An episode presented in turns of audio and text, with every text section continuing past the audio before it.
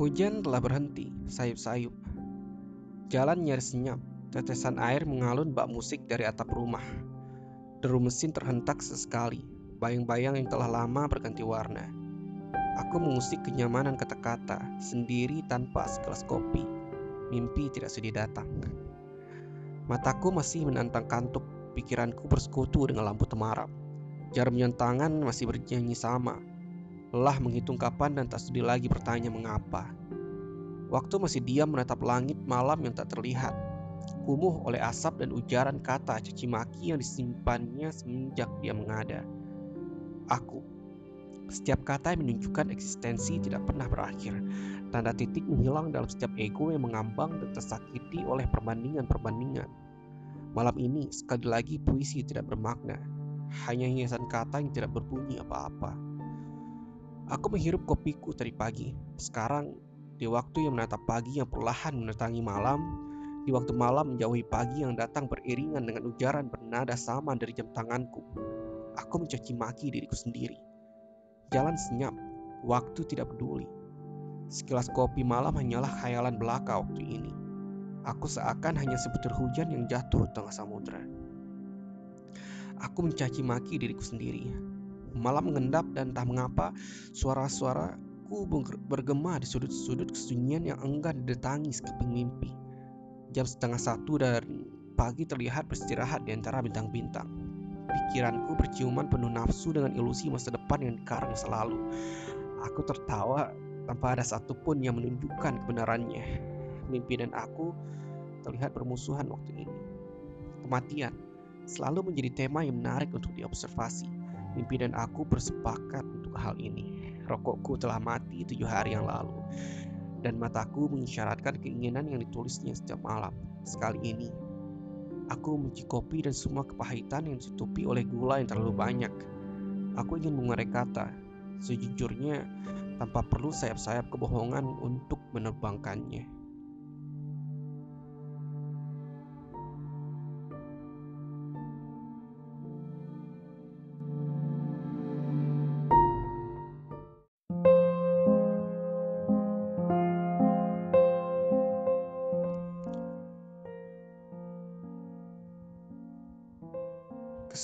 Itu mengiris detik-detik jatah kebahagiaanku. Jalanan membusuk di antara kebosanan yang memuja kematian. Bayangan dan ketakutan menjelma. Musik mendenging di telingaku, menghancurkan semua kata-kata. Aku mendadak tuli, buta akan suara dan makna. Kucing kecil duduk di pangkuanku, amnesia. Ingatan-ingatan hanyalah ilusi yang dirangkai oleh waktu menipu otak yang menduga rasa itu benar-benar nyata. Sementara Fata Morgana berulang kali melukis istana pasir tengah lautan. Aku bermimpi, seandainya aku hanyalah mimpi, mati ketika seseorang membuka mata, mati ketika seseorang menutup mata, terlupakan dan ceritaku menjadi debu tanpa perlu penghakiman. Kemudian kembali lagi menjadi selembar kertas kosong, bebas dicoret sekehendak kata, tanpa perlu ada tanda tanya, seru, dan titik. Kesunyian itu berhenti menyayat, tidak ada lagi yang tertinggal. Dan kematian mencium bibirku dengan air ludah yang mengisyaratkan kebosanan, kosong, dan pena tidak lagi bertinta.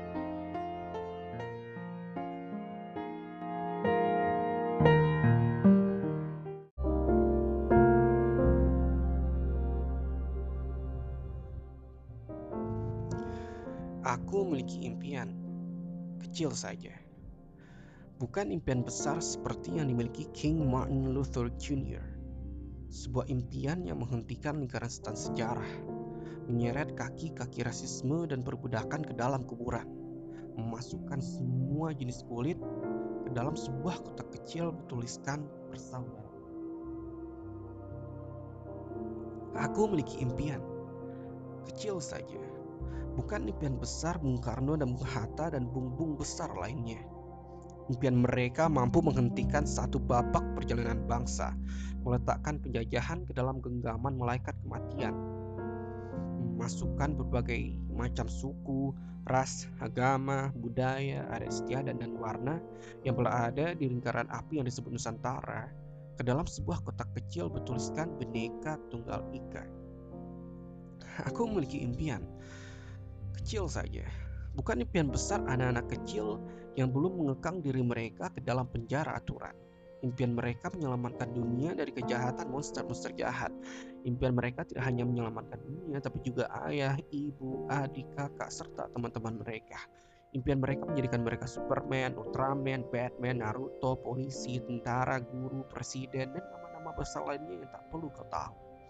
Impian mereka memasukkan semua nama-nama tersebut ke dalam sebuah kotak kecil bercahaya yang siapa pun bisa memasukinya yang bertuliskan imajinasi.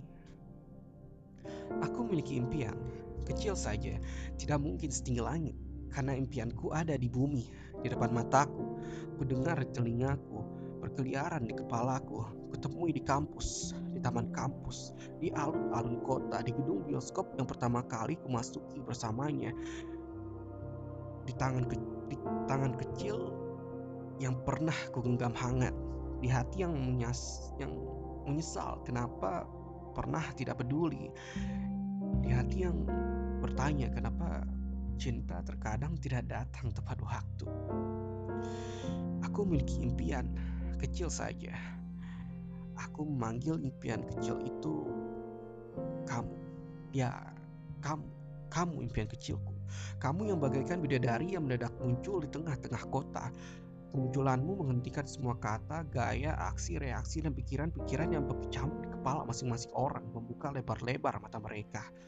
Kemunculanmu membungkam mulut waktu yang semenjak diciptakan tidak pernah berhenti mengoceh, mengikatkan dirinya sendiri di satu detik takdir.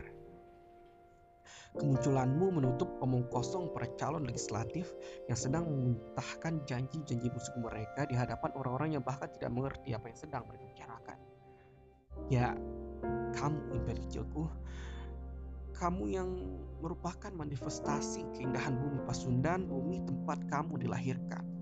Bumi yang merupakan rumah kedua untuk Gravitasinya bahkan buatku enggan kembali ke titik pertama jarumku berputar. Sebuah tempat yang mampu mengubah tangis sedih menjadi, menjadi tangis bahagia.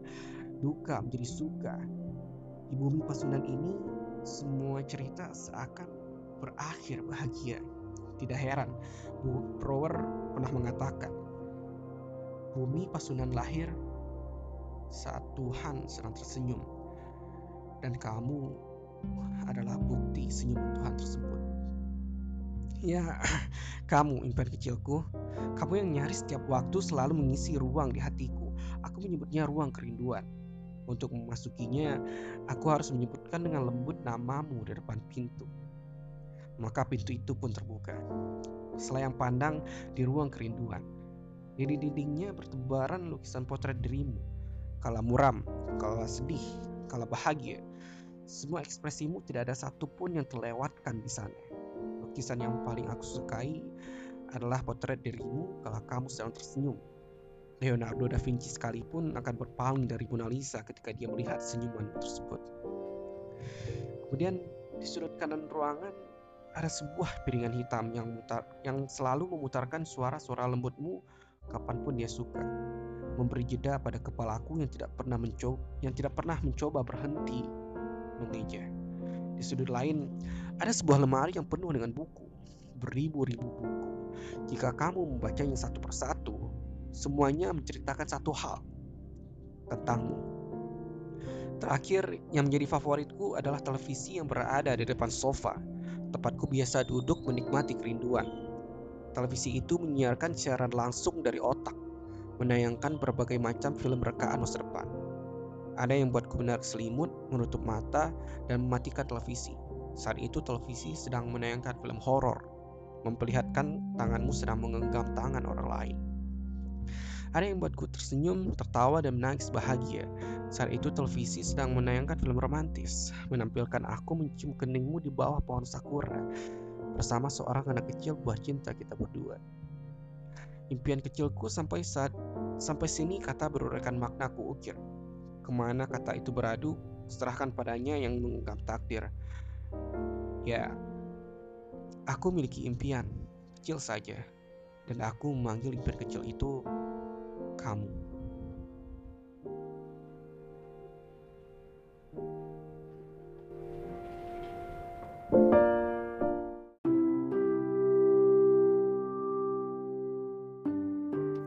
Tidur bersama bulan.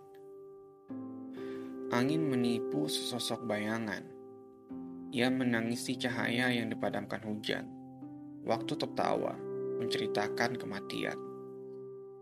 Aku hanya diam, menyimak, menghisap rokokku. Sementara malaikat kematian mencekik leher seseorang perjaka di Amerika sana. Bulan tak malu. Dia menyingkap jerawat jutaan tahunnya, mengajakku tidur bersama malam ini. Aku menolak, Tuhan tidak pernah tidur. Namun menjelang subuh, keringat membasahi pipiku. Bulan tertawa. Waktu menghela nafas. Lelah. Manusia tak henti memujaku, katanya. Aku menengangguk, menertawakan kebodohan.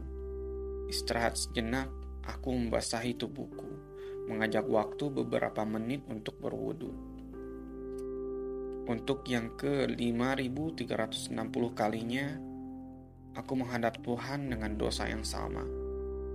5361. Koreksi suara halus di telinga kiriku. Rakib tidak mungkin tak pernah lupa. Dan bulan tertawa mendengarnya.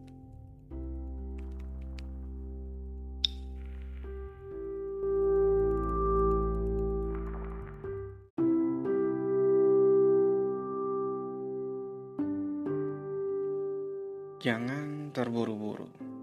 Nikmati setiap kegelapan malam. Nikmati setiap butir kopi yang pahit. Nikmati setiap tangisan kebosanan. Cintai kejatuhan dan sayap-sayap bang patah. Syukuri setiap butir padi yang jatuh menjadi benih. Jangan terburu-buru. Kamu mungkin mati hari ini.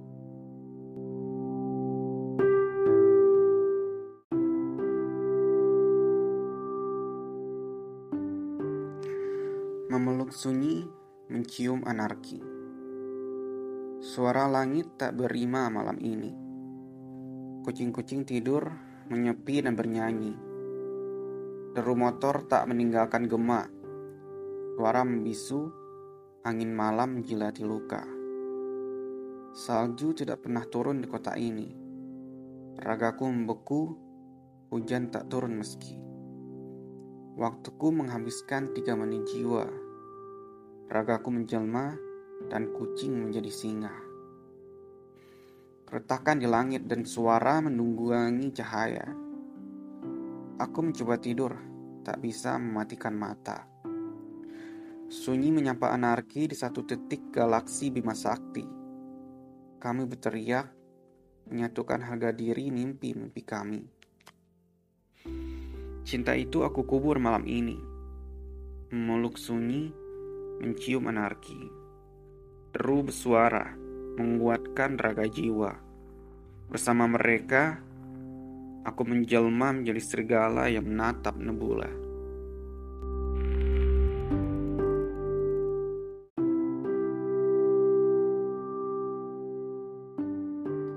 Rokok terakhir. Aku merenung bersama sepi Semut kecil menatap peta di depan mataku.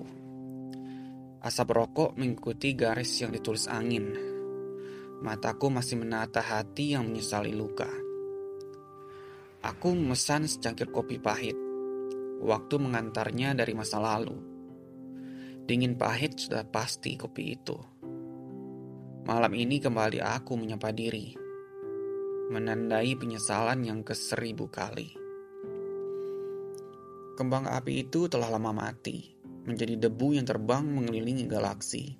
Aku tidak tahu kapan matahari mengetuk pintu dan kapan toko terakhir sebelum aku membunuh diri.